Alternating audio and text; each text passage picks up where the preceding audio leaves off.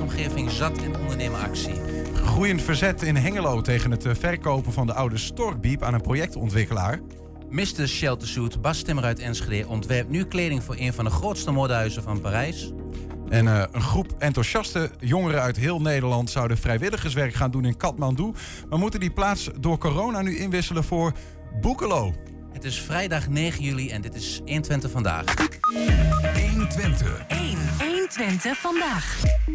Ja, ik, ik, ja, dit is een heel nieuwe setting, Niels. Ja, dat is het zeker, Wilco. Ik ja, moet ook nog eventjes uh, wennen. Niet het bekende gezichten, jij aan deze kant en aan die kant Julian. Um, maar we doen het nou vandaag samen en we beginnen vandaag met het zorgcomplex Het Bosthuis in Hengelo. Dat moet vanaf volgend jaar het centrale punt worden in Twente... wat voor wat betreft de behandeling van een ziekte van Parkinson. Hier werken vanaf dan onder de naam Punt voor Parkinson... zorgverleners van Trivium Meulenbeeldzorg... samen met neurologen en andere deskundigen van de ziekenhuizen MST en ZGT... aan tafel één van die neurologen, dat is Jeroen van Vught... werkzaam bij het MST. Dag Jeroen, goedemiddag. Hallo, goedemiddag. Um, Zo'n punt voor Parkinson, is dat echt nodig? Uh, ja, wij vinden van wel. We denken dat uh, de Parkinsonzorg uh, al heel goed is in de regio, maar dat die nog beter kan. Uh, door de zorg juist te bundelen en te concentreren op één locatie. Ja, ja. ja want de, de naam, we, we, hadden het al even over op de redactie, Punt voor Parkinson. Hoe ben je op de naam gekomen? Omdat het, het heeft ook een soort dubbelzinnige betekenis lijkt wel. Je wil niet een punt geven aan Parkinson, denk ik. Nee, nou misschien wel een punt zetten achter Parkinson. Ja. Maar nee, de naam hebben we niet zelf bedacht. de naam komt uit Groningen. Daar is al een punt voor Parkinson sinds een aantal jaren. En twee jaar geleden is er in Leeuwarden ook een punt voor Parkinson opgezet. Uh, en wij hebben daar gekeken en ja, vonden dat het uh, zo goed werkte daar. en dat de zorgverleners goed samenwerken en ook van elkaar lenen, leren. dat we dachten van nou, dat willen we in Twente ook. Dus toen zijn we in gesprek gegaan vanuit de MST met de neurologen ook in ZGT. En later ook met de Trivium Meulenbelt. om te kijken of we gezamenlijk hier in Twente ook zo'n punt voor Parkinson konden opzetten. Ja, maar wat houdt zo'n punt eigenlijk precies in? Wat moeten we daarbij denken? Ja, eigenlijk uh, is het een combinatie deels van een uh, polykliniek voor mensen met Parkinson. dat betekent dat we die mensen dan dus niet meer in het ziekenhuis gaan zien op de polykliniek, maar daar, in het borsthuis in Hengelo. samen met ook dagbehandeling voor mensen met Parkinson. Waar mensen bijvoorbeeld fysiotherapie kunnen krijgen of logopedie of andere behandelingen. er komt ook een short stay afdeling, dus het is een eigenlijk een opnameafdeling waarbij we mensen een aantal weken kunnen opnemen om ze goed in te stellen op medicatie of om ze een revalidatietraject aan te bieden. Uh, zodat mensen weer uh, ja, op de rit staan en uh, daarna weer terug naar huis kunnen. En betekent dan dat er straks, wat je zei, dat, dat, daar gaan de patiënten behandeld worden, gaan die dan helemaal niet meer naar het ziekenhuis? Geen enkele Parkinson-patiënt Parkinson meer? Nou, mensen komen nog wel naar het ziekenhuis voor de diagnose. Hè, want ze worden verwezen door de huisarts met een vermoeden op Parkinson. Dus we stellen dan eerst de diagnose in het ziekenhuis, waar we ook de nodige diagnostiek doen. En als we dan de diagnose gesteld hebben, dan uh, gaan mensen inderdaad voor de vervolgbehandeling naar dat punt voor Parkinson. Uh, waar ze dan een polyklinische zorg krijgen en eventueel de andere therapieën die nodig zijn. En dan is het ziekenhuis eigenlijk helemaal niet meer in beeld voor die mensen in ieder geval. Klopt, ja. Oké, okay. en, en um, betekent dat ook dat er dus mensen vanuit het ziekenhuis vast in, op dat punt voor Parkinson gaan werken? Want ja. ja, die zullen daar ook naartoe moeten, denk ik. En die uh, fietsen denk ik niet de hele dag in en weer. Nee, dat klopt. Hè. Dus de bedoeling is dat de neurologen, de Parkinson-neurologen uit de beide ziekenhuizen, en ook de Parkinson-verpleegkundigen en andere zorgverleners, dat die dus een aantal dagen in de week daar uh, aanwezig zijn om polykliniek te doen of om consulten te doen bij patiënten die opgenomen liggen in het borsthuis. Ja. Wat is uh, Parkinson? Even helemaal terug naar de basis. Hè? Want het is een bekende naam natuurlijk. Maar wat is het nou eigenlijk voor ziekte? Ja, Parkinson is een hersenziekte. Uh, een chronische hersenziekte waar mensen ja, geleidelijk aan steeds verder achteruit gaan. Uh, Parkinson kan zich op heel veel manieren uiten. Het meest bekende is uh, natuurlijk de gestoorde motoriek. Mensen die gaan trillen, krijgen een tremor, worden heel traag in hun bewegingen en stijf of gaan schuifelend lopen. Maar er zijn ook nog heel veel andere symptomen bij Parkinson. bijvoorbeeld storing van de concentratie of de aandacht of het geheugen. mensen kunnen gedragsproblemen krijgen. Problemen met de continentie bijvoorbeeld of maag-darmproblemen. Ja. En dat maakt ook dat er gedurende zo'n ziekteproces heel veel verschillende zorgverleners betrokken zijn bij zo'n patiënt. Komt er nog veel voor? In komt, Nederland? Uh, het komt veel voor. Er zijn op, dit moment zo'n 50.000 mensen in Nederland met de ziekte van Parkinson. Uh, maar het is ook een ziekte die groeit in aantallen uh, door de vergrijzing. Dus de verwachting is dat dat aantal verdubbeld is over 20 jaar bijvoorbeeld. Ja, omdat het vooral bij oudere mensen Klopt. voorkomt, dus dat per Ja. saldo wordt dat, eh, wordt dat meer. Dat klopt. Ja, Ja. ja. Heeft het alleen met die vergrijzing te maken? Hè? Want ik heb het echt het idee dat je steeds vaker hoort dat mensen eh, Parkinson of Alzheimer eh, ook, ook eh, een, een ziekte wat eh, Ja. vergelijkbaar is, denk ik. Nou, een deel zou nog te maken kunnen hebben met betere diagnostiek. Hè, dat we het vroeger signaleren, dat het vroeger herkend wordt. Eh, maar het grootste deel komt echt wel door de vergrijzing. En eh, weten jullie dan, want dan zou je bijna kunnen zeggen van nou, dan ligt er een soort van kausaal verband tussen ouderdom en Parkinson. Maar wat weten we eigenlijk van die ziekte? Weten we waar het vandaan komt? Nee, de, de, echte oorzaak is niet bekend. Het is, we denken dat het wel meerdere factoren zijn die meespelen. Is deels ja, wat, wat erfelijke aanleg bijvoorbeeld, die mensen kunnen hebben voor Parkinson. Eh, maar ook omgevingsfactoren spelen een rol. Eh, en daarvan weten we nog niet precies welke dat zijn. En of dat bij iedereen wel dezelfde zijn. Een van de eh, kandidaten eh, is bijvoorbeeld het gebruik van pesticiden. Mhm. Wat eh, de laatste tijd ook veel in het nieuws is geweest. Hè, omdat we eigenlijk weten dat mensen die in agrarische gebieden wonen... of die zelf veel met pesticiden gewerkt hebben... dat die een verhoogd risico hebben op het krijgen van Parkinson. Dus dat is iets waar nu onder andere in het Europese verband ook streng naar gekeken gaat worden. Van goh, wat mag er nog gebruikt worden hè, aan pesticiden? Nou, ik kan, me- ik kan me voorstellen, er is natuurlijk een, een, een verband tussen het weten waar die ziekte vandaan komt en ook weten wat je, er, wat je eraan kunt doen. Klopt. Hè? En ehm, ja, hoe zit dat, die behandeling, zeg maar? In hoeverre is die.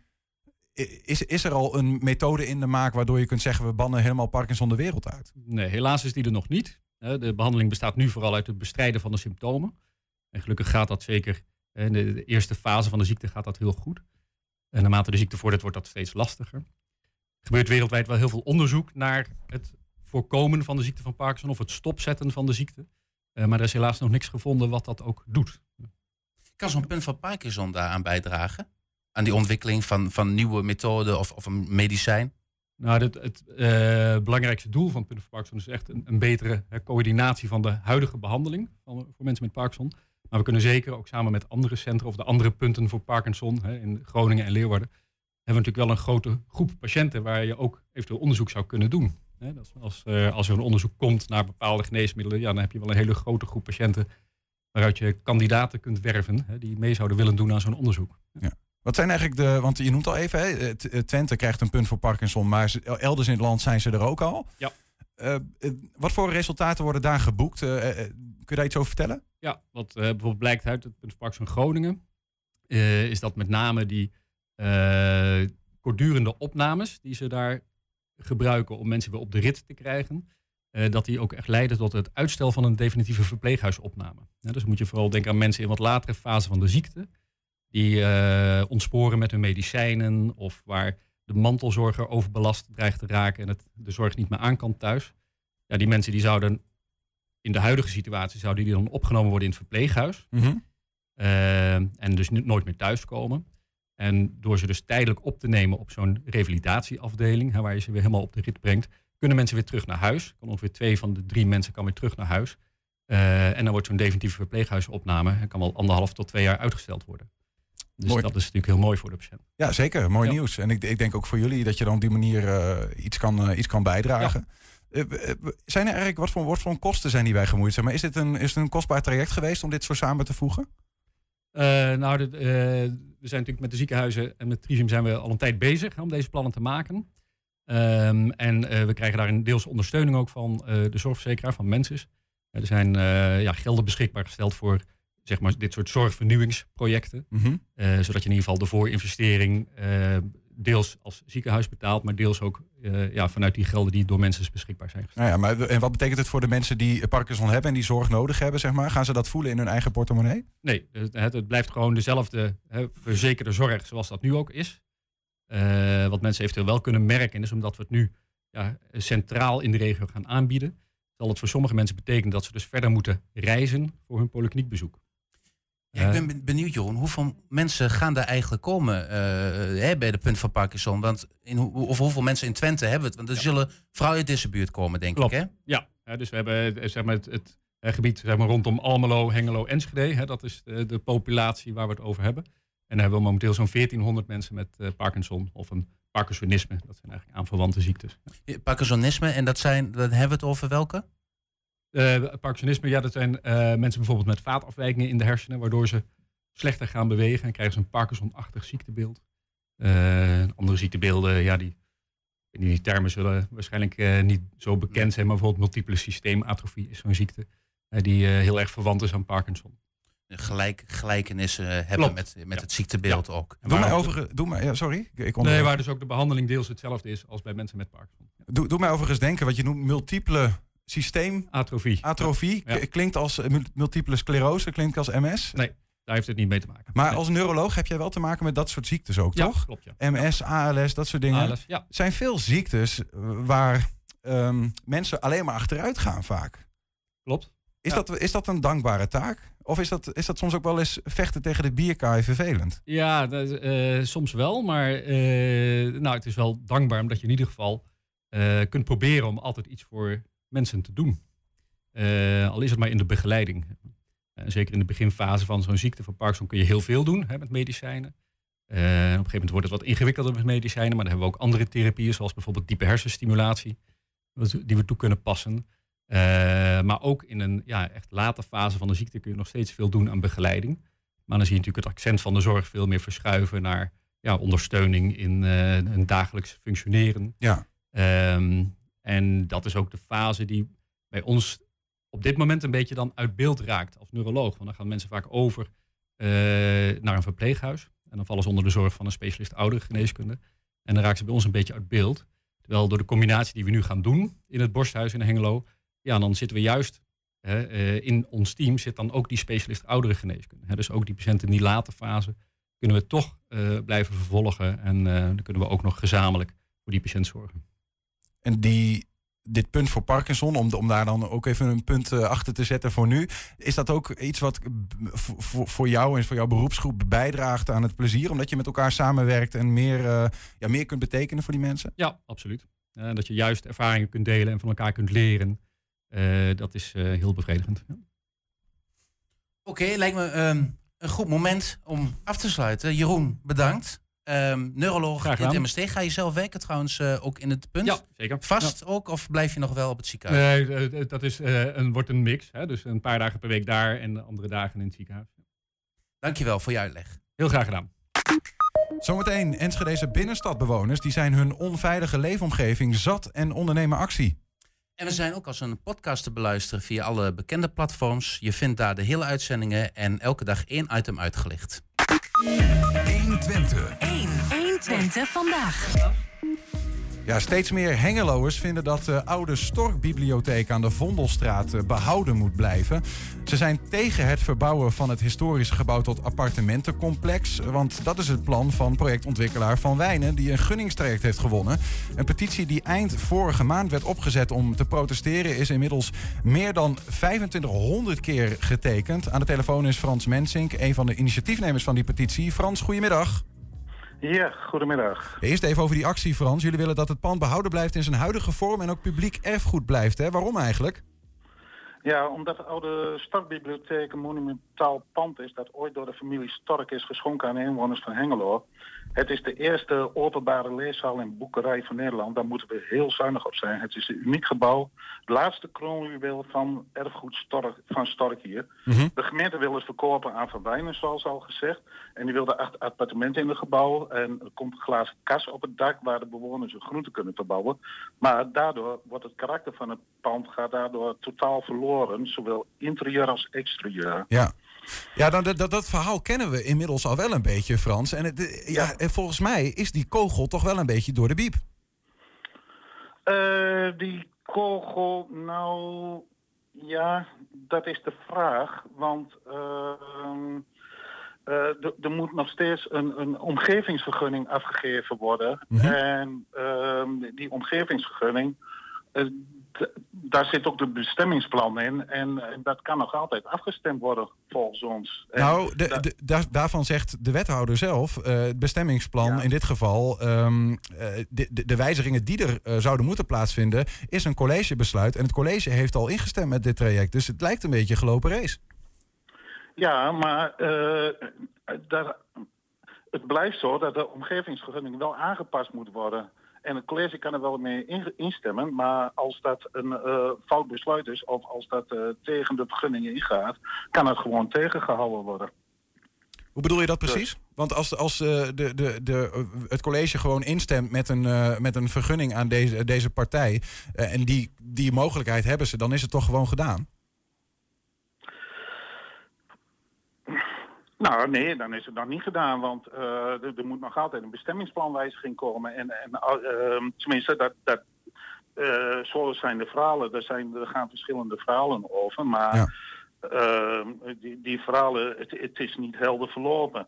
En het gunningstraject is ook niet helder verlopen. Ehm of het gunningstraject doen verschillende verhalen de ronde. Vertel eens, En- wat, eh, wat is voor jou een, eh, een, een zorg in de, in de verloop van het gunningstraject?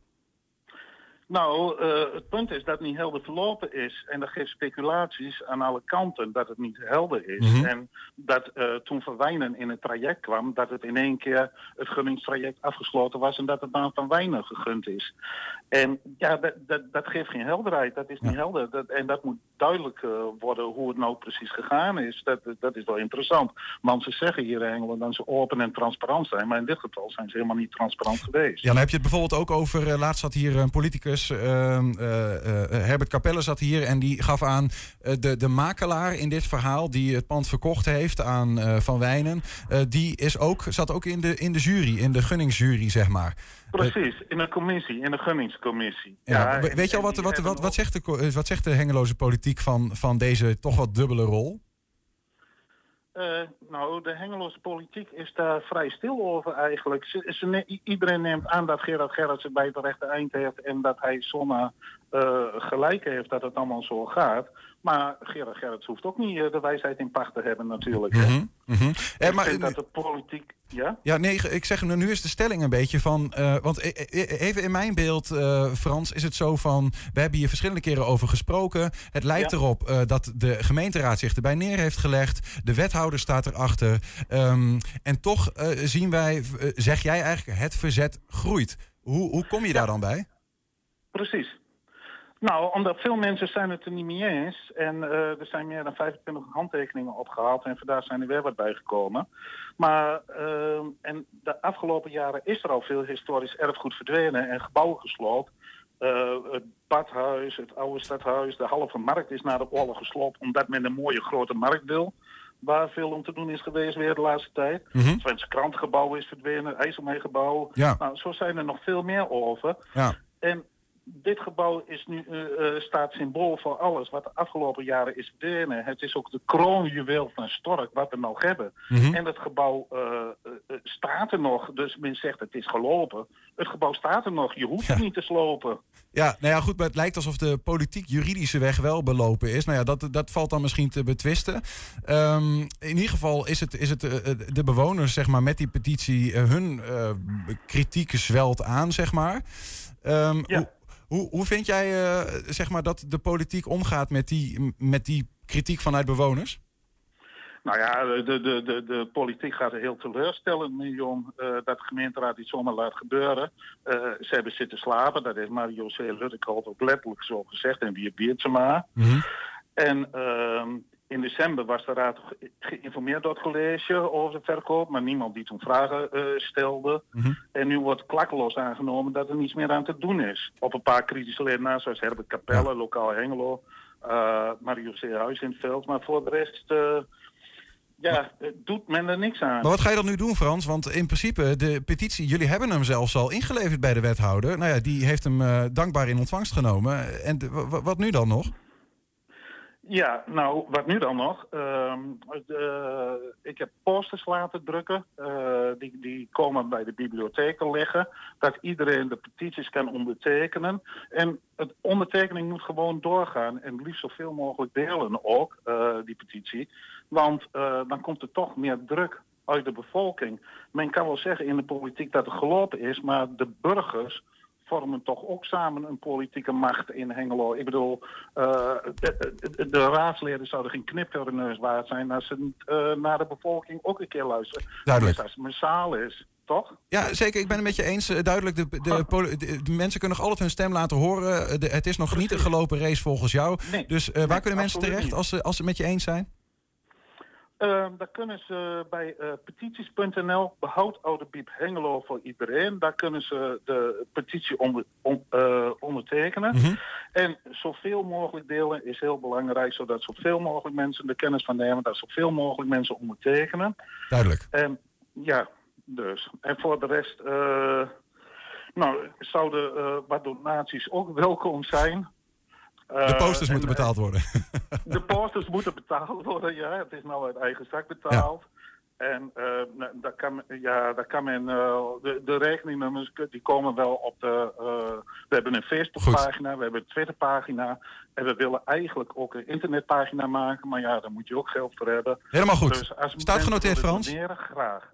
Staat genoteerd. Frans Mensink, dank voor je uitleg en succes met de strijd, hè? Ja, dankjewel. Ja, straks Mr. Sheltersuit Bas Timmer uit Enschede ontwerpt nu kleding voor een van de grootste modehuizen van Parijs. Ja, heb je nou ook een tip voor de redactie? Laat het even weten via info apenstaartje 120.nl. 120. 1. 120 vandaag.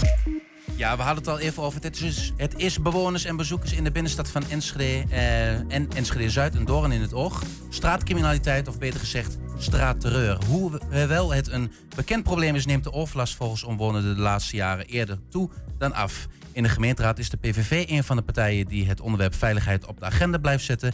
Bij ons in de studio is daarom fractieleider Jan-Willem Elfrink. Jan-Willem, goedemiddag. Goedemiddag. Ehm, voordat we met jou verder gaan praten over de veiligheid in de stad. eh, deze week hebben twee buurtbewoners van de Van Lochenstraat onder andere ook aan jou eh, handtekeningen aangeboden. Hè. Dat hebben ze aan de hele raad gedaan, maar jij was daar ook bij namens de PVV. Ze wilden vanwege hun veiligheid niet reageren op de camera. Maar we zijn deze week wel bij hun geweest, want ze wilden wel iets zeggen op, op, eh, ja, op, op geluid. En daar laten we even naar gaan kijken. Dit is de Van Lochemstraat, midden in de binnenstad van Enschede. En de omwonenden zijn het zat. Straatterreur, intimidatie, geweldsdelicten. En afgelopen weekend werd hier een 18-jarige Enschede neergestoken. We hebben verschillende buurtbewoners gesproken. En die vertellen ons verhalen over wat hier de afgelopen jaren is gebeurd. Ze willen niet reageren op camera. Maar twee bewoners willen wel met ons praten. Ze vertellen wat ze de afgelopen tijd hebben meegemaakt. Nou, het zijn voornamelijk, voornamelijk wel jongere mannen. Ja, jongere mannen, maar er lopen ook wat ouderen tussen. Ja, ouder, wat is ouder? Rond de 30, denk ik. Ik denk Ja. dat dat. Er komen wel elk jaar meer jongeren bij. Kijk, en dat gaat natuurlijk mond op mond, want door drugstoerisme is hier gewoon heel veel te verdienen. Ehm, en die jongens die vertellen dat allemaal door. En het wordt gewoon heel makkelijk gemaakt ook voor die jongens om hier te komen. Door middel van bijvoorbeeld een opvang waar ze terecht kunnen, waar ze een postadres krijgen en van daaruit gewoon verder kunnen. Dus ik denk dat daar ook gewoon een heel stukje nog wel te verbeteren valt. Het wordt te leuk gemaakt om hier te komen. Ze zijn in grote getalen aanwezig, ook in grote groepen. ehm, schelden, drinken, maken lawaai, maken muziek, eh, met motoren, scooters door de straten. ehm, ja, en ze intimideren. Gewoon al door aanwezig te zijn, alleen al. Ja, en dan is het nog het naroepen, nafluiten, het eh, uitschelden en echt dat soort dingen. Ja, het begint met eh, schatje of eh, meisje, totdat je niet reageert en dan is het eh slet en ehm, nou ja, alle ziektes die maar voorbij komen. En voel je je dan eh, bang? Eh, overdag niet, s'avonds wel. Maar overdag lopen die genoeg mensen op straat en maakt het mij niet uit. Maar als ik s'avonds alleen moet, dan vind ik het wel eng. Ja, Nou, het is gewoon heel intimiderend, hè? ja. Dat is het. Kijk, en ik ben zelf niet heel erg bang aangelegd. Ehm, maar mijn dochter, die in de puberteit is, amper 13, die wordt ook gewoon aangesproken en achterna gezeten. En dan denk ik, ja, waar ligt de grens? Nou, voor mij ligt die daar. En op het Wilmingplein hier achter mij was het al jaren raak. Die problemen zijn inmiddels opgelost met gebiedsverboden, samenscholingsverboden en andere maatregelen zoals cameratoezicht en pleinwachten. Sinds dat dat is gebeurd, merken de bewoners van de Van Lochemstraat dat de problemen bij hun juist veel erger zijn Ik geworden. heb laatst nog een mevrouw en die liep naar haar woning toe. En die moeten allemaal door die ingang, zeg maar, bij dat steegje. En die zien dan een groep van tien man staan. Ja, ik snap wel dat je dan zoiets hebt van... Oké, ik loop of een blokje om, of ik loop gewoon even terug totdat ze weer weg zijn. Nu de Noorderhagen veilig is, daar hangen camera's. Bij het muziekcentrum hangen camera's, is het veilig. Is het allemaal hier naartoe gegaan? Want precies hier op het hoekje houdt het cameratoezicht op. Samenscholingsverbod houdt precies daar op de hoek op. En wij hebben zoiets van, trek dat door, desnoods tot aan de Oldensalse straat. doe het cameratoezicht ook meer die kant op en meer surveilleren erop. Ik heb ook in mijn mail naar de burgemeester en de raadsleden ook gezegd: het is gewoon wachten totdat we weer een schietpartij voor de deur hebben en er misschien een omstander de dupe van is. Dat die het slachtoffer wordt of dat onze kinderen daar getuigen van zijn. De bewoners van de Van Lochemstraat, Wenningaan en Breugelmanschaar hebben meer dan 150 handtekeningen verzameld en aangeboden aan de gemeenteraad. Burgerbelangen, VVD, PVV, Democratisch Platform en Groep Versteeg hebben gezegd dat ze er werk van gaan maken. Ja, Jan Willem, uh, wat denk jij als jij deze ervaringen van deze dames hoort? Het is niet nieuw. Maar ze zijn ook best wel goed geïnformeerd, geïnformeerd moet ik zeggen. Uh, want ze weten eigenlijk best wel goed uh, dat die jongens die hier komen. Ik weet niet of je ze echt jongens kunt noemen. in mijn ogen wel, maar. Um, ik vind dat je niet over hangjongeren kunt, uh, kunt spreken hier. Het zijn echt wel criminelen. Uh, zwaarder dan dat zelfs. Maar ze weten hun weg. Briefadres hoor ik even noemen door, door de beide dames. Nou, jullie weten hoe heel goed hoe, hoe zij de weg weten hier in, in Enschede. En het, ze zeggen ook, het wordt eigenlijk aantrekkelijk gemaakt om, om hier te komen. Er wordt mond-op-mond reclame gemaakt, telefoontje. Ja, kom naar Enschede. En, en dat is iets wat me ontzettend stoort. Kun je daar iets eh, aan doen als raadslid? Vraag ik me dan direct eigenlijk af. Want ja, die regels gelden voor iedereen, toch? Ja, ja dat is heel. Uh, ik vind het eigenlijk ook een heel klein beetje jammer dat mensen die zich niet aan de wet houden, toch met wettelijke maatregelen aangepakt moeten worden. Maar goed, dat is een ander verhaal. Ik zou er wat steviger in gaan als ondergetekende. Hoe zou je het doen dan als je alleen heerschappij had? Ja, alleen heerschappij is ook een beetje. maar hard aanpakken. ja, wat bestaat dat uit? Zeg je? Wat bestaat dat dan uit? Hard uh, aanpakken? Ja, ik, dat, dat, soort mensen moeten gewoon klap hebben. Uh, voldoende dat ze niet plezierig meer vinden om überhaupt aan Enschede te denken. Maar goed, dat is iets wat niet kan. Dat is duidelijk, dat begrijp ik ook. Dus je moet in ieder geval handhaving, de politie, andere handvaten geven. Om, om in ieder geval te zorgen dat dat soort mensen het dan in ieder geval minder aantrekkelijk vinden om naar Enschede te komen. Dus het is al belachelijk dat het kan dat die mensen het aantrekkelijk vinden om naar Enschede te komen. Dus mm, te gek voor woorden. Nu heb jij afgelopen week in de gemeenteraad een, een voorstel ingediend, een motie uh, zoals dat heet, ja. waarin je het college opdraagt om meer te gaan doen. Kun je uitleggen wat, wat er precies inhoudt? Want het gaat wel betrekking op dit gebied in de binnenstad, ja, dat, onder andere. Uh, heel, heel duidelijk, uh, Wilco. Um, weet je, je moet middels de wet moet je maatregelen zien te treffen om die mensen het zo moeilijk mogelijk te maken. Nou ja, goed, dat, dat politie kan ook hard optreden, uh, met name als ze heel vervelend zijn, als er grotere groepen zijn. Um, maar een van de mogelijkheden voor de politie is, uh, is een gebiedsverbod. Ja, wat ik begrepen heb, ik heb, ik heb de vraag ook gesteld aan, aan de wethouder, in dit geval vervangend burgemeester. Maar joh, wat ik begrepen heb is gebied Wilmingsplein van Lochemstraat is het verbiedsverbod. wordt in augustus ergens opgegeven en wordt niet verlengd dat, zal, dat kan niet waar zijn, want het is een van de weinige handvaten die de politie heeft om dat soort mensen op te pakken. En dat is iets wat ze, ja, dat gaan ze absoluut missen. Dat geven ze zelf ook aan. Nou, dat is een van de, de redenen waarom uh, we eigenlijk de, de motie hebben geschreven. In, in goed samenwerking is dat de politie steeds meer mogelijkheden krijgt om ook deze mensen aan te pakken. Nou, onze motie was eigenlijk tweeledig. Er zijn twee moties geweest. Steun voor de politie en met name steun voor de echte politie op straat. Die, moeten deze mensen aanpakken.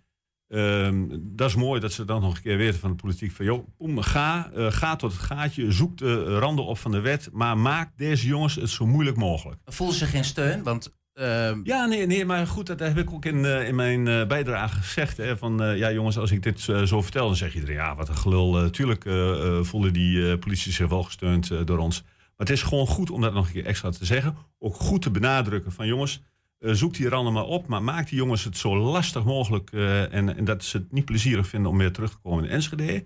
Uh, dat, dat, dat, dat is heel erg belangrijk. En aan de andere kant is het ook als wij als raad heel duidelijk uitspreken. dat ook een, een rechter, hè, een rechter ligt. ik bedoel, een burgemeester moet in overleg met, met rechter. zo'n gebiedsverbod opleggen. Um, maar heel veel rechters zien dat toch eigenlijk als een, een, een ja, een behoorlijk middel. Uh, dat leggen ze niet graag op. En als dat steeds maar automatisch wordt verlengd, dan zeggen ze ook een keer van ja, maar goed, burgemeester, het is hartstikke fijn dat je weer die maatregel verlengt. Maar eh, eh, jullie zijn al anderhalf jaar bezig, eh, los dat op een andere manier Je op. maakt je te Maar makkelijk als- vanaf. Ja. Maar ja. als, als, als dan de steun van eh, eh, de raad eh, eh, naar de burgemeester toe eh, op het gebiedsverbod, eh, steun voor de politie, dan denkt de rechter ook, ja goed, eh, deze raad is ge- eh, gekozen door, eh, door de inwoners van Enschede en die vragen erom. Nou goed, dan is dat ook weer een extra steuntje voor de politie. Ook al als eh, de rechter dat eh, hoort en ziet en denkt, ja goed, dat is toch wel nodig. Eh, zoals de vertegenwoordigers van de raad, de vertegenwoordigers van de inwoners, vinden ook dat dit zo moet. Je Dus maakt dat is een ook in- belangrijk punt. In bredere zin eh, druk om eh, de veiligheid in Enschede, Jan-Willem. Eh, nou zagen wij van afgelopen dinsdag, was dat volgens mij... had je nogal een clash met de burgemeester... de portefeuillehouder van Veiligheid in de stad. Ehm, wat gebeurde daar? Want in mijn beleving, je, je gaf aan... ja, de veiligheidscijfers vanaf 2018 tot nu zijn niet goed... gaan niet de goede kant op. Het wordt onveilig in Enschede, de criminaliteitscijfers. En het college zei... nou, het gaat steeds beter de goede kant op. Ja, Dat- goed, dat, dat was de raad van, van tweeënhalf weken geleden. eh, waarbij wij een, eh, eigenlijk in de rondvraag eh, ehm, stelden van jongens, de veiligheid hier loopt grote risico's. Inwoners lopen grote risico's, doe daar wat aan. Waarop de burgemeester met het verhaal kwam van, nou ja, het is meer een... het is meer een subjectief veiligheidsgevoel dan er werkelijk wat aan de hand is. Want sinds eh, Mhm. t- 2010, als ik me niet vergis, in vergelijking tot nu zijn de cijfers eh, v- eh, eigenlijk uh, Enschede is veiliger geworden. Ja, dat kan toch verdorie niet waar zijn, want eh, ik zie het, ik merk het, eh, ik spreek met inwoners, we krijgen telefoontjes. We krijgen als PVV natuurlijk ook behoorlijk wat eh, van, eh, mails van mensen waarin eh, ze hun bezorgdheid eh, uitspreken. Dus ja, het is heel duidelijk. eh, voor ons was het eh, de veiligheid. eh, ja, die, die, die, die gaat met rassenschreden achteruit. Dus op dat moment eh, dat ik dat hoorde, eh, kreeg ik zelfs nog een eh, briefje in de handen gedrukt van de burgemeester na afloop van, ja kijk, dit zijn de cijfers, het is beter geworden. Nou, waarop ik direct de onze fractie bijeen heb geroepen. Ik zei, jongens, dit moeten we nou uitzoeken, nou moeten we ook met cijfers komen. Dus er zijn twee mensen van ons die hebben continu lopen rommelen in, in, op internet, kijken naar het CBS-cijfers, kijken naar de politiecijfers. Nou, er kwamen gewoon hele andere cijfers uit. Dus daar heb ik hem ook mee geconfronteerd. Daar, joh, daar ontstond wat irritatie. Ja, ik begreep van de dames trouwens die we hebben gesproken, waar we ook naar hebben geluisterd, dat ehm, de cijfers van 2020 is ook het coronajaar. En als je dan 2010 met 2020 vergelijkt, met het coronajaar, ja, toen liepen er wat minder mensen op straat, werd er niet uitgegaan. Klopt, ook dat speelde mee. Weet je, en, en dat vond ik zo vervelend van de opmerking, dat het een subjectief veiligheidsgevoel eh, was. Nou, dat is absoluut dus gewoon niet gebleken, ook uit de cijfers niet. En ik heb een aantal voorbeelden gegeven. Nou ja, goed, eh, toen begon de burgemeester van ja, goed, eh, weet je, eh, ehm, ehm, de PVV wil niet meewerken of iets in die, in die strekking. Ik denk, ja, het is man niet verwijt ons wat, terwijl wij juist het belangrijke item veiligheid op de kaart wilden zetten. En ja, dat doen we voor de inwoners, niet voor onszelf, absoluut niet. Hoe, hoe diep zitten jullie er zelf in, eh, ehm, Jan-Willem, sorry. Want in Enschede-Zuid speelt ook van alles. Hoe praten jullie met de, met de wijkbewoners? Wat speelt daar onder andere? Ehm, ja, er spelen natuurlijk naast eh, eh, de straatraces tijdens de coronatijd. jongens in enorme dikke bakken, Duitse kentekens. Nou ja, de verhalen kent je, iedereen kent het. Maar goed, de, laatste tijd, met name de laatste drie, vier weken, merk je toch in, in, in, in het nieuwe centrum Strooingslanden, winkelcentrum, dat daar eh, ja, groepen jongeren, en ja, dan praat je echt, ik, ik, ik vind het raar om het eigenlijk te zeggen, maar ik praat over jongens van eh, 11, 12 tot 17 jaar. Zo jong. Ja, zo jong, het is echt ongelooflijk. Die echt, eh, dus bezoekers van het winkelcentrum, maar ook eh, personeel. En zeker s'avonds, als het wat donker begint te worden. Ja goed, ik heb een gesprek gehad eh, met een van eh, de winkeliers-eigenaren. en die heeft gezegd, ja, we hebben sinds eh, een week of drie eh, een eh, beveiligingsteam... eh, die eh, s'avonds het winkelcentrum eh, afsluit. We zijn bang om het zelf nog te doen. Om dan, daar ligt dan de grootste druk op, de, op de avonden rond sluitingstijd van, van de winkels. Ja, goed, dat, dat is één verhaal. Dan ga je iets verder naar achteren, richting Buurse Straat, naar het tankstation. Ja. Ja, daar wordt volop gedeeld en, en mensen lopen daar met wapens. Nou, ook daar hebben we alles over kunnen lezen. Eh, ja, en, je, en je merkt ook dat, dat groepen eh, kinderen ook kinderen be- bedreigen eigenlijk. eh, waar jongens of, of meisjes misschien zelfs ook, maar ik weet het van... een, een interview die we hebben gehad met één of twee inwoners, dat hun zoon wordt bedreigd. En dat ze dan om hulp vragen via de telefoon van pa of ma komen halen, want die jongens doen heel erg vervelend. Tot slot, Jan Willem, als ik dit zo allemaal hoor, heeft de politie en de gemeente, hebben, hebben we dit nog in de greep? En wat moet er dan gebeuren? En het, het is duidelijk, eh, en ik moet ook eerlijk zeggen, dat de politie er alles eh, aan eh, probeert te doen om dat eh, onder, onder de knie te krijgen. Maar dat, dat lukt gewoon niet, omdat ze met te weinig middelen eh, kunnen handhaven. Ehm, daarbij, eh, die, ja, die jongens die worden ook gewaarschuwd. Lopen, fietsen, rijden, eh, uitkijkposten rond, eh, een telefoontje. En voordat de politie aankomt, dan stuiven ze uit elkaar en zijn ze ongrijpbaar. Dus dat is gewoon heel erg moeilijk. En ja, weet je, ehm, ik zeg het altijd, ehm, mijn, mijn kinderen zul je daar niet aantreffen en van heel veel andere mensen ook niet. Ehm, ik weet dat ook de mensen in gesprek gaan met, eh, met ouders eh, en ook dat schijnt, schijnt niet te helpen. Dat is echt ongelooflijk. Het is moeilijk, maar het moet wel opgelost worden. Goed, goed, duidelijk. Jullie en wat andere partijen in de gemeenteraad zullen dit zeker nog een paar keer aan de orde stellen. Ja. Eh, Jan-Willem, dank je wel dat je hier was. Graag gedaan. En nou, we zien je vast nog een keer hier weer. Ongetwijfeld, dankjewel. Zometeen een groep enthousiaste jongeren uit heel Nederland zouden vrijwilligerswerk gaan doen in Kathmandu. Maar ja, die moeten die plaats door corona nu in- inwisselen voor eh Boekelo. 120. 120 vandaag. Ja, je bent een veelbelovend ontwerper, maar neemt afslag naar maatschappelijk ondernemen en bedenkt een gratis, watervaste, warme, draagbare, parkachtige jas voor zwer- zwervers en vluchtelingen. Ja, dat is een hele mond vol. Die wereldwijd aftrek vindt. Meet in Enschede. En dan val je toch weer voor high fashion. Ja, Sheltersuit-chef Bas Timmer die ontwierp met topontwerper Gabriella Hurst kleding voor Chloe. Dat is een van de grootste modehuizen van Parijs. Back to his roots zou je kunnen vragen. Een, eh, nieuwe kans voor Sheltersuit misschien wel, of beide. We hebben hem aan de telefoon. Bas is eh, live vanuit Parijs. Goedemiddag. Hey man, goeiedag. Gefeliciteerd man. Ja, dankjewel. Dat is hartstikke cool toch? Zeker. Ja, we hebben even een plaatje, Bas, eh, van in elk geval één van de ontwerpen die je gemaakt hebt. eh, in samenwerking met Hurst. Eh, dan hebben we even een Ja. beeld daarbij. En als je daarnaar kijkt, dan, ja, dan zie je toch ook wel een beetje de hand van Sheltersuit erin. Ja, zeker. We hebben ook echt de vrijheid gekregen om stukken te maken voor de modeshow. Die zijn allemaal, het zijn eigenlijk gewoon shelter suits. Maar de binnenkant van die shelter suits zijn gevoerd met Chloe stoffen. En voor die modeshow zijn de jassen binnenste buiten gedragen eh, ja, op de catwalk. Maar dit is een van de grootste modehuizen van Parijs waar je nu mee werkt, toch? Ja, klopt.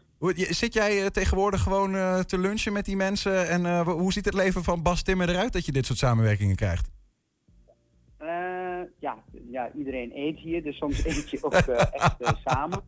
Maar eh, eh, ja, gewoon echt heel veel eh, verschillende dingen. Ik ben natuurlijk ook echt nog heel druk bezig met Shelter Foundation. En deze samenwerking is ook met Shelter Foundation. We verkopen een, een tas die, die we hebben ontworpen voor Chloe. En de opbrengst van die tas die levert twee shelter suits op. Dus het is gewoon echt een hele mooie sociale samenwerking. Ja, ja. En mijn eh, eigen droom is ook gewoon weer echt creatief eh, eh, aan de slag te kunnen. En dit is gewoon echt wel zo'n opstap daar naartoe. Nou ja, nu heb je eigenlijk van alles wat, wat wils. Want je hebt aan de ene kant je maatschappelijke betrokkenheid met Sheltersuits. En aan de andere kant kun je hier misschien zelf ook nog wel enigszins wat aan verdienen. En je, het mes snijdt aan heel veel kanten, toch? Precies, mode met impact. Mooi man, echt fantastisch. En het is niet het enige. Ik begreep ook dat je tegenwoordig, deze maand, weet ik niet, in de Vogue staat. UK en US. Ja, daar kwam ik, eh, ja, er was een online artikel eh, kwam uit en eh, daar stond er best wel een groot stuk in over shelter suits. En, eh, nou, toen ik hier was, toen zag ik in één keer het Vogue magazine liggen en na even bladeren stonden de foto's en het, het tekstje ook gewoon in de gedrukte versies. Dus dat is ja, super nice. Maar dat, dat overviel je zelf ook.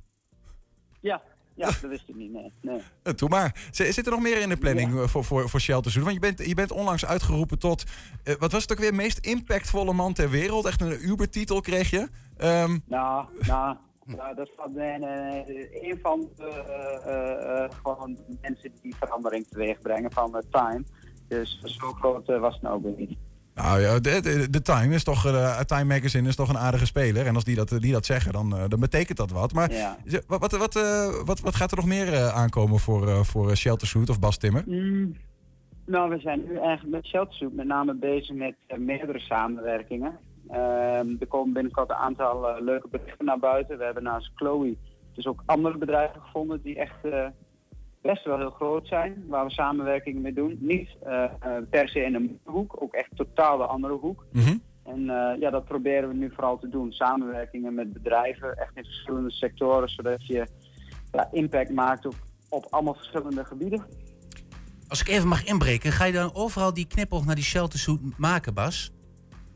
Ja, dat denk ik wel. Misschien uiteindelijk niet, want ik wil ook wel andere dingen gaan opstarten. Maar ik vind het wel heel erg nice dat eh, eh, ja, dit soort ja, samenwerkingen gewoon geld opleveren voor sheltersuits. En wij zijn nog steeds heel erg afhankelijk van donaties. Eh, dus dit soort ja, iets langere termijn samenwerkingen zijn gewoon echt heel belangrijk. Zodat we ook meer mensen een, een baan kunnen bieden in onze fabriek. Die dan weer die pakken kunnen maken. Mhm. Ehm, maar ja, uiteindelijk kan ik me ook wel voorstellen dat ik ook andere dingen kies om mee samen te werken. Eh, misschien niet alleen voor de daklozen, maar het kunnen heel veel dingen zijn. Er zijn heel veel problemen in de wereld.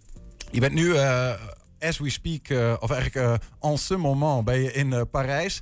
Wa- wat ben je allemaal aan het doen na- naast de croque monsieurs of croque madames eten met Gabrielle Hurst? Wijntjes. ja, vino. Nee. Oh nee, dat is weer... Nee, vooral, voor- vooral eh, eh, ehm, eh, praten over de volgende samenwerking. Fantastisch.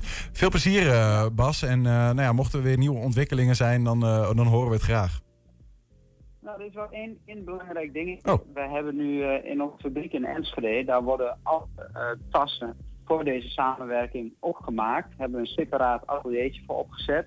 En we komen echt mensen tekort. Dus als er Twentenaren zijn die graag een handje willen helpen bij het produceren van sheltersuits, ehm, neem contact met ons op. Eh, we betalen ook, eh, we hebben ook betaalde banen nog vrij voor mensen die echt echt goed zijn achter de naaimachine. Mhm. Eh, maar vrijwilligers zijn ook echt welkom. Dus ja, zo kunnen we het textiel toch weer een beetje terugbrengen naar het mooie Enschede. Ja, fantastisch. Staat genoteerd Bas Timmer live vanuit Parijs. Dankjewel.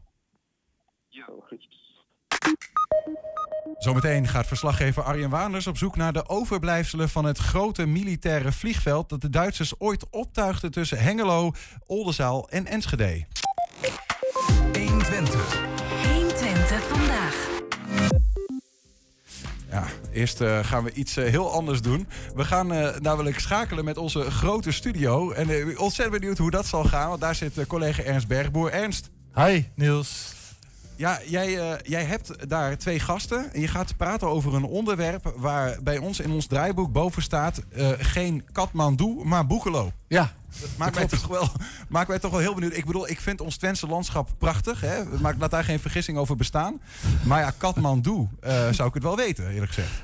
ja wat, wat, wat zou je doen? Ja, dan, zou ik... Ik ben eh, nooit verder geweest dan eh, Israël, volgens mij. Dus Kathmandu, eh, kom maar een keer. Ja, precies. ja, ja, ja, Niels, het kan verkeren. Er zou een club af, de- deze zomer, aankomende zomer, naar Kathmandu. In plaats van nou ja, zonovergoten stranden en krijzende kinderen en dat soort ellende. Die dachten, we gaan iets goeds doen in een stuk van de wereld, in Kathmandu. Maar ja, corona. En uiteindelijk is het dus Boekelo geworden. Nou, daar gaan we over praten. Ehm, aan tafel hebben wij twee, eh, twee gasten. Ehm, Bart-Jan van Assen en Leonie Verloop. Bart-Jan van Assen is van World Servants. Eh, Bart-Jan, eh, het is jouw organisatie die een groep jongeren mee zou nemen naar Kathmandu, toch?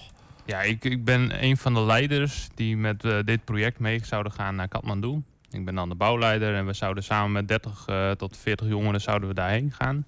30 tot 40 jongeren, dat is Ja. nog wel een club zeg. Ja, en dan zouden we daar gaan bouwen aan een school. Je zou bouwen aan een school in Kathmandu. Ja. En, en misschien heel even, want Mhm. eh, ik zie het ook op je, op je, op je t-shirt staan, hè? World. Servants. Wat, wat, voor, wat voor een organisatie is dat? World Service is echt een eh, organisatie die jongeren dienstbaar bezig wil zetten in deze wereld.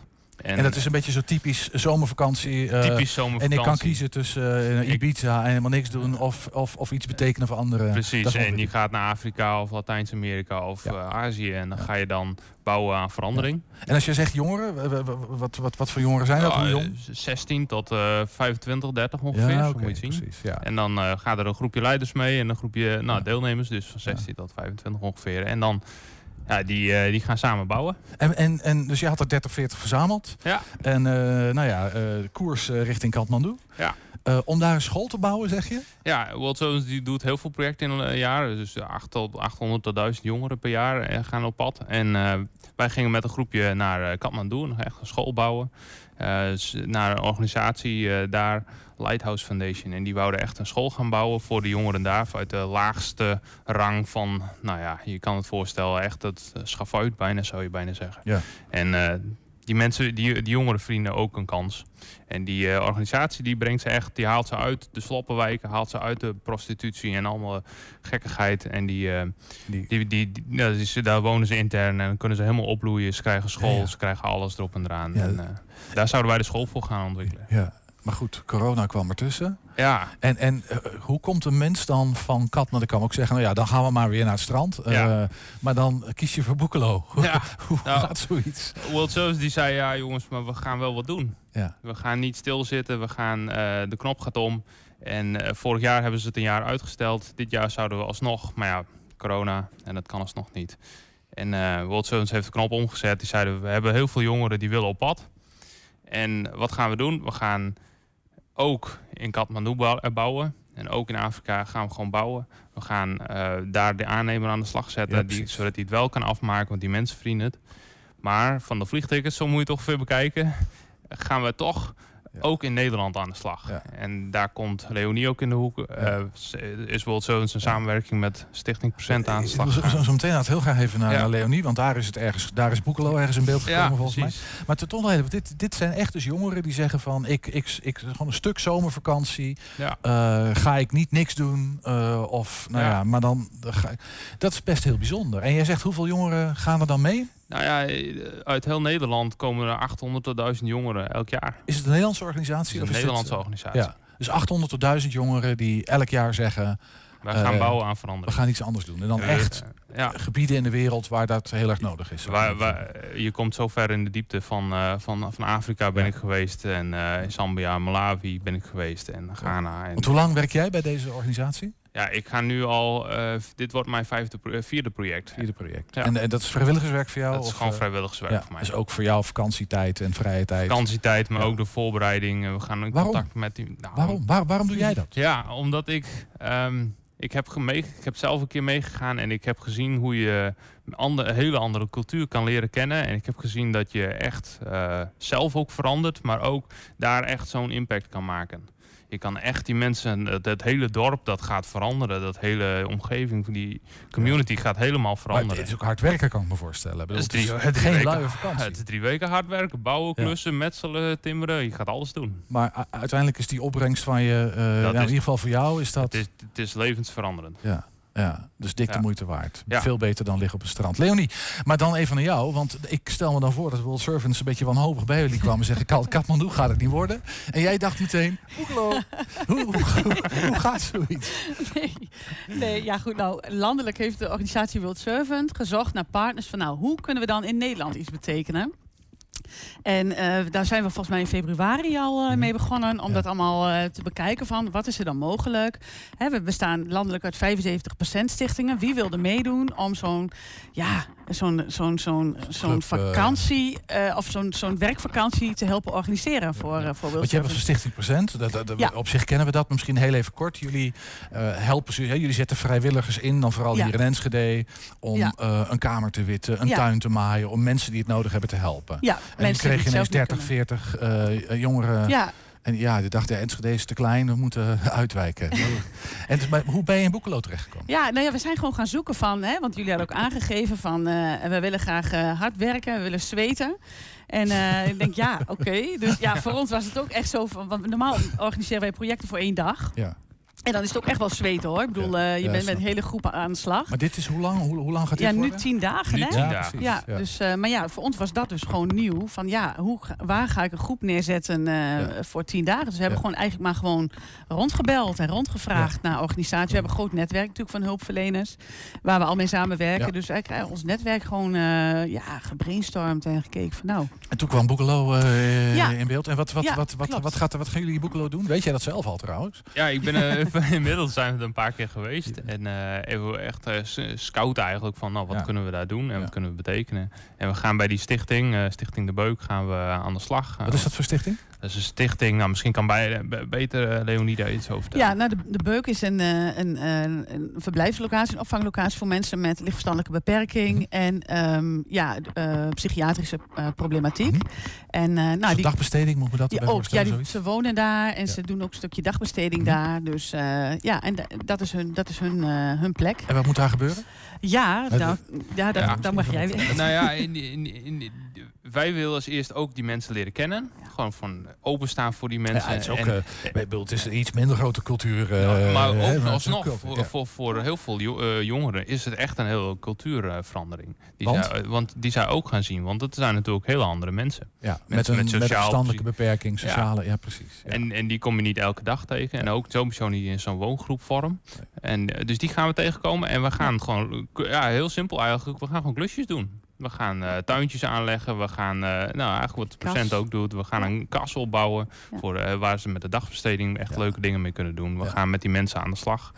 Ook gewoon echt nou, dingen maken. En, En hoe werkt het dan? Heb je, heb je een camping afgehuurd? Of gastgezinnen? Of Ja, we- drie sterren hotel gezocht in Boekelo? Dus ik weet niet of dat er is. We hebben bij de plaatselijke scouting hier in Enschede hebben we een locatie gevonden. En daar gaan we die tien dagen gaan we daar slapen en gaan we. Ja, dan gaan we eh, eh, super basic. We gaan half tentjes, half in een. eh, nou, je moet het als een soort van staakerven zien. eh, gaan we verblijven. En we hebben van alles georganiseerd zodat we dat eh, nou, prettig kunnen doen, maar wel minimaal. Want we zijn gewend in Afrika en in Nepal zouden we ook op een betonnen vloer slapen. Met minimaal eh, ja. Wat we Ja. doen. ja, even eh, voordat je een verkeerd beeld van Twente krijgt. eh, het is niet zo dat iedereen hier Nee, minimaal woont natuurlijk per se. Nee, nee zeker maar goed, dat is in Katmandu natuurlijk niet anders. Nee. Hey, en, en, en, en, en gaan al die 30, 40 jongeren mee? Of, of zijn er een aantal Ja, teleurgesteld afgehaakt? Er zijn wel een aantal teleurgesteld. Ach, eh, of die hebben misschien nog net gekozen. Nou, we gaan volgend jaar nog een keer proberen. Ehm, dus we gaan uiteindelijk gaan met z'n 22. Nou, dat is toch wel een forse, eh, Dat is- forse, forse groep. Dat is een forse groep. Ja. Dat is hartstikke leuk. Ja, hey, en, en ik vroeg me ook nog even af, hè, want hoe werkt dat? Eh, als, als jongeren zeggen van, weet je, dat klinkt eigenlijk best wel tof. Eh, ik wil wel eens wat anders dan Ibiza. Ja. Ehm, eh, en dan kunnen ze zich aanmelden bij, bij, zo'n, bij, bij World Servants in dit geval. En, en, en wat, wat gebeurt er dan? Moeten ze dan ergens... Ja, je wordt Hebben jullie een bak met geld? eh, Nee, helaas niet. Helaas niet. Nee, en, en ook vrij weinig subsidies, eigenlijk bijna niks meer volgens mij. En ehm, wat ze doen is, ze worden meegenomen in een verhaal van dat jij eh, een jaar lang sponsors gaat zoeken voor jouw eh, project. En je, je wordt, hebben heel lokaal hebben we allemaal projectgroepen, actiegroepen noemen we dat. En dan ga je heel simpel misschien wel wc-rollen huis aan huis verkopen. Of je gaat klusjes doen bij mensen thuis. En je gaat bij de kerken ga je, ga je bezig om te kijken of, nou, of je daar ehm collecten binnen kan krijgen. En ehm, ja, zo proberen we iedereen zijn netwerk aan te, eh, aan te schrijven om dan ja, eh, uiteindelijk best wel een bedrag bij elkaar te krijgen. Eh, hoeveel, hoeveel, waar, waar moet je dan aan denken zo gemiddeld? Nou, je Dus, moet eh, zo 2 tot 3000 euro nadenken Ja. voor een reis. Ja. als je naar Afrika gaat, dat, dat is best wel duur. En de bouwkosten en alles zit daar dan in. En training en, en alles op. Dus het is echt een soort. Dat, dat, dat, dat- al die, jongeren doen dat. Ja. Precies. En die brengen ook het geld daarvoor bij elkaar. Eh, en ik hoorde jou net iets zeggen over misschien bij kerken of zo. Zit daar een, een ideële. Ja. of een, een, een, religieuze achtergrond? Of, Ja. eh, World Service is wel echt een christelijke organisatie. Mhm. En die wil ook wel echt. ehm, nou, door wij, dat wij in die landen komen en die voor, voor die mensen er willen zijn, zeg maar, en willen leren kennen, willen we eigenlijk ons geloof ook laten zien.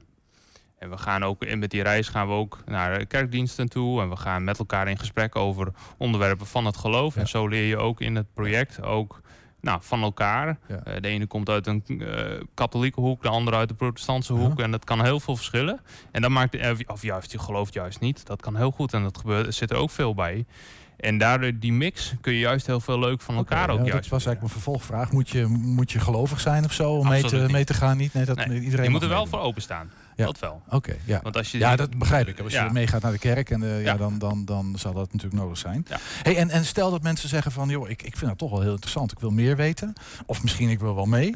Ja. Eh, waar, kunnen ze, waar kunnen ze jullie vinden? Nou, kijk gewoon op social media, maar ook gewoon eh, zoek World Servants op. Je vindt het ongetwijfeld. We zijn heel actief op social media en gewoon worldservants.nl. Ja. Gaaf. Nou, en nu, nu naar Boekelo. Wanneer, wanneer gaat het precies gebeuren? We gaan over twee, drie weken ongeveer. 30 juli. 30, 30 juli. Tien dagen hier. Laat eens weten hoe het gegaan is als je Het, wilt. we komen, oh ja, zeker weten. Ja, leuk. Ja, leuk. Leonie en Bart-Jan waren dat. Dank jullie allebei. Graag gedaan. Graag gedaan. 120. 120 vandaag. Ja, we hadden net eh, een eh, videootje beloofd vanuit eh, de, het vliegveldterrein waar Arjen Warners op zoek zou gaan. Die moeten we even schuldig blijven. Krijg je volgende week van ons. Dan is overigens onze ene laatste week. Maar we zijn nog niet aan het einde van. sorry, dit is de ene laatste week. Volgende week is de laatste. We zijn nog niet aan het einde van deze uitzending. Want bij ons aangeschoven Bart Peter Zweem. Ratatata, daar is hij dan in levende lijven. Ipipura. Wat is er? Eh, Je bent niet vrolijk vandaag, Bart. Nee, nee, maar je, je komt dat het zo aan dat ik denk van dat creëert weer verwachtingen. Hè? Dat, dat kan ik nooit waarmaken. Dat is eigenlijk het ding. Ja, maar ik we vind het hadden wel net ook Je een- Ja, Wilco, nee. jou zie ik hier me- meestal. Ja, meestal niet. Dan zit ik ergens eh, achter de schermen daar. Nee, echt- van iedereen joh. verwijderd. Ja. Maar eh, ik ben benieuwd. Heb je nog eh, nou wel weer veel reacties? Was het een hitje vorige week? Nee, Ah, ik heb niet gekeken, maar ik vermoed van niet. Nee, nee, ik had zelf nog een hele provocerende kop bedacht. Maar het was toch wat braver geworden. Ik denk, ja, dat zijn dan geen hits. Hè. Moeten Dus je bent bij, eh, afgestapt nu van die strategie om corona in je, in je column te verwerken? Of gaan we dat toch weer terugzien? Eh, ja, ik doe mijn best, zullen we maar zeggen. Eh, beoordeel het later. Mag maar, ik trouwens zeggen dat ik het een ontzettend grote eer vind om samen met twee kale mannen aan tafel te zitten? Nou, wat ik wel, Wilco, ik weet niet of jij dat hebt, maar dat mensen toch dat kaalheid, als je zelf kaal bent, dan is dat gewoon, ja, vanzelfsprekendheid. Maar Geen andere issue, mensen die niet ja. kaal zijn, vinden het heel bijzonder dat wij kaal zijn. Ja, Ervaar ja. jij dat ook zo? Ja, dat is ook zo. Ja, ja dit is, dit is Ja. geen issue. Ja, zo word je wakker, eh, Niels. Maar hoe doen jullie Ja, dat? Want ik ben, ik heb, inmiddels heb ik van die inhammen, zeg maar. En ik ben altijd bang dat het zich verder optrekt. Is, dat hoe het, is dit hoe het begint? Ja. Ja, ik weet niet. ja. maar in mijn geval is mijn hoofd er beter op geworden. Als je foto's van vroeger terugziet, dan denk je, ja, nee, het is er beter op geworden. En in jouw geval, ik weet het niet, probeer het. Het is uit voorzorg eens een keer de boel kaal scheren en kijken wat we ervan vinden. En bij mij begon het aan de onderkant weer te groeien toen het daar weg. Dus, ja, dat snap ik goed. Ja, dat heb ik ook nog niet. Dus, eh, maar eh, nog tips voor als het zover is? Bidden?